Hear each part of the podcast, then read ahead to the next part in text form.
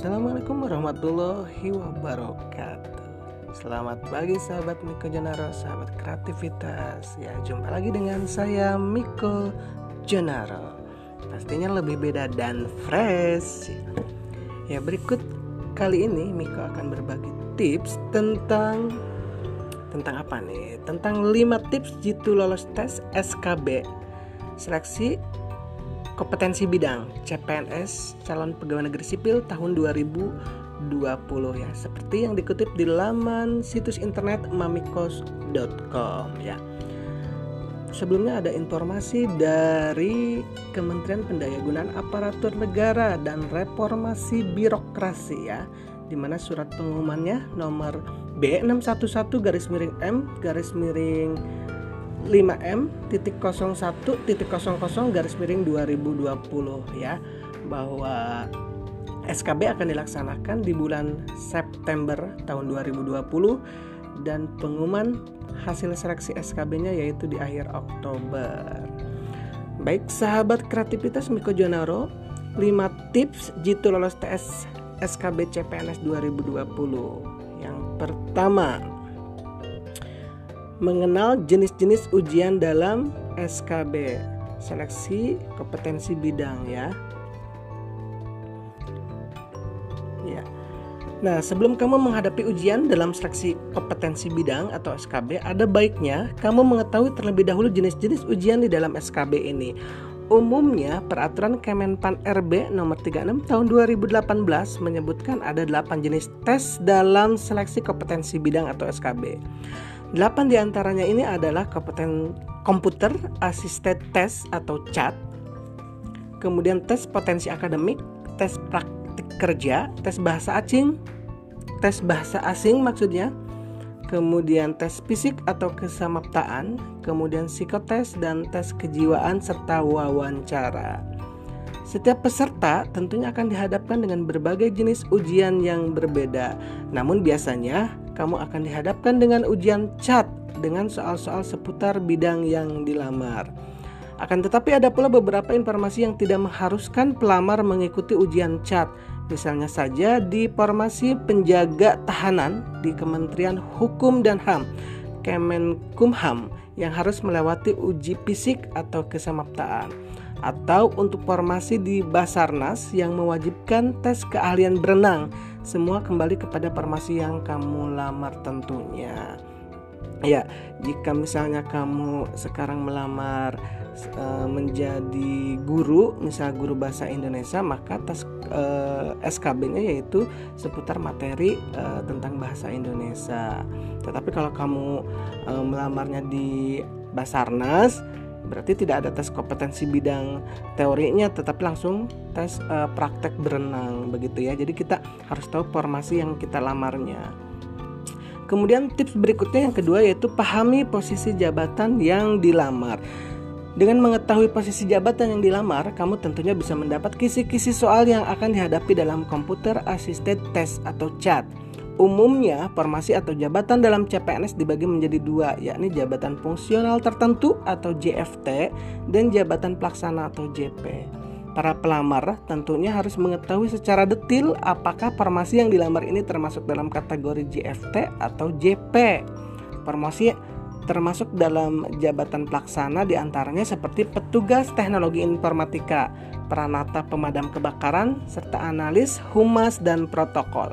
Sementara yang termasuk jabatan fungsional tertentu ialah teknisi penerbangan, dokter, dan guru ya. Kemudian para pelamar juga bisa mengakses situs Kemenpan RB jika formasi yang dilamar termasuk JFT atau jabatan fungsional tertentu. Dalam situs ini terdapat Permen Pan RB terkait formasi. Materi SKB akan berkutat pada peraturan tersebut. Jika formasi yang kamu lama termasuk dalam jabatan pelaksana, kamu pun bisa mengakses Permen Pan RB nomor 25 tahun 2016 tentang nomenklatur jabatan pelaksana. Di sana sudah dijelaskan secara rinci tugas pokok dan fungsi masing-masing formasi di mana bisa menjadi rujukan soal yang akan kamu hadapi nanti. Ya. Kemudian untuk berikutnya uh, tips jitu berikutnya yaitu yang ketiga ya, mengetahui jadwal dan jangan terlambat. Layaknya seperti kamu sedang melamar kerja pada umumnya, ada baiknya kamu datang 60 menit sebelum waktu ujian dimulai. Jadwal dan lokasi ujian seleksi kompetensi bidang atau SKB ini bisa kamu lihat di dalam dokumen pedoman seleksi CPNS 2020 yang ada di setiap situs resmi kementerian atau lembaga. Datang tepat waktu diperlukan lantaran sebelum ujian pelamar harus melalui beberapa tahap administrasi. Karena setiap pelamar harus melewati proses absensi, penyimpanan barang bawaan, dan pengecekan identitas terlebih dahulu. Selain itu, datang tepat waktu diperlukan untuk membangun kesiapan mental kamu dalam menghadapi ujian. Ya ya, jadi udah siap kalau kita datang tepat waktu. Kemudian dipastikan yang udah lulus uh, yang udah lulus SKD bisa ikut SKB ya. Jadi tahapannya SKD dulu baru SKB. Kemudian tips jitu yang keempat yaitu kuasai isu sosial terkini dan kelebihan dirimu. Agar kamu lebih merasa percaya diri, tak ada salahnya kamu juga mempelajari isu-isu sosial terkini. Hal ini jelas akan menambah wawasan kamu dalam menghadapi soal-soal ujian seleksi kompetensi bidang atau SKB nanti. Tak hanya itu saja, kamu juga wajib untuk mengetahui kelebihan dan kekurangan dirimu, karena pada saat dihadapkan proses wawancara, kamu pun akan di diajukan beberapa pertanyaan yang tidak akan berbeda dengan proses penerimaan kerja lainnya. Dengan memahami kelebihan dan kekuranganmu, kamu bisa lebih confident, percaya diri dalam menghadapi pertanyaan yang akan datang. Ya, sangat perlu ya kalau kita punya kelebihan-kelebihan diekspor kelebihan dirinya kemudian kita apa namanya kita tumbuhkan kepercayaan diri kemudian nanti pada saat atas nanti setidaknya akan lebih siap dan percaya diri. Next berlatih sosial secara sorry berlatih soal secara konsisten ya. Ini tips itu yang kelima atau yang terakhir berlatih soal secara konsisten Tips terakhir agar kamu dapat lolos tes seleksi kompetensi bidang atau SKB adalah berlatih soal-soal ujian secara konsisten ya atau terus-menerus. Luangkan waktu kamu selama 30 menit setiap harinya untuk mengerjakan soal-soal contoh soal tes CPNS yang bisa kamu dapatkan di buku tes yang dijual di pasaran ya. Tahu banyak banget di toko tinggal cari soal-soal buku soal-soal CPNS ya.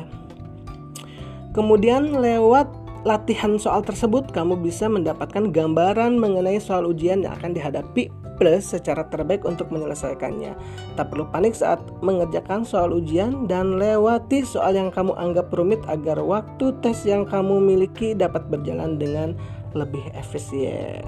Nah, itu tadi 5 tips jitu lolos tes SKB CPNS tahun 2020 ya. Semoga berhasil untuk uh, para calon pegawai negeri sipil ya atau abdi negara.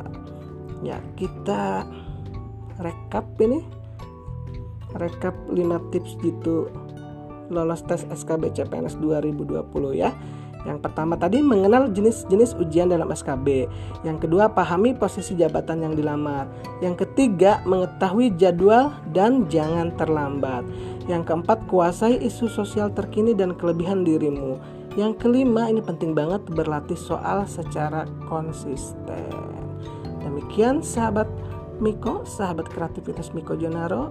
Semoga sukses ya yang terbaik sebagai calon pegawai negeri sipil 2020. Oke, terima kasih sudah stay tune di stay tune di podcastnya Miko Jonaharo lebih beda dan Flores. Dadah, selamat pagi. Wassalamualaikum warahmatullahi wabarakatuh.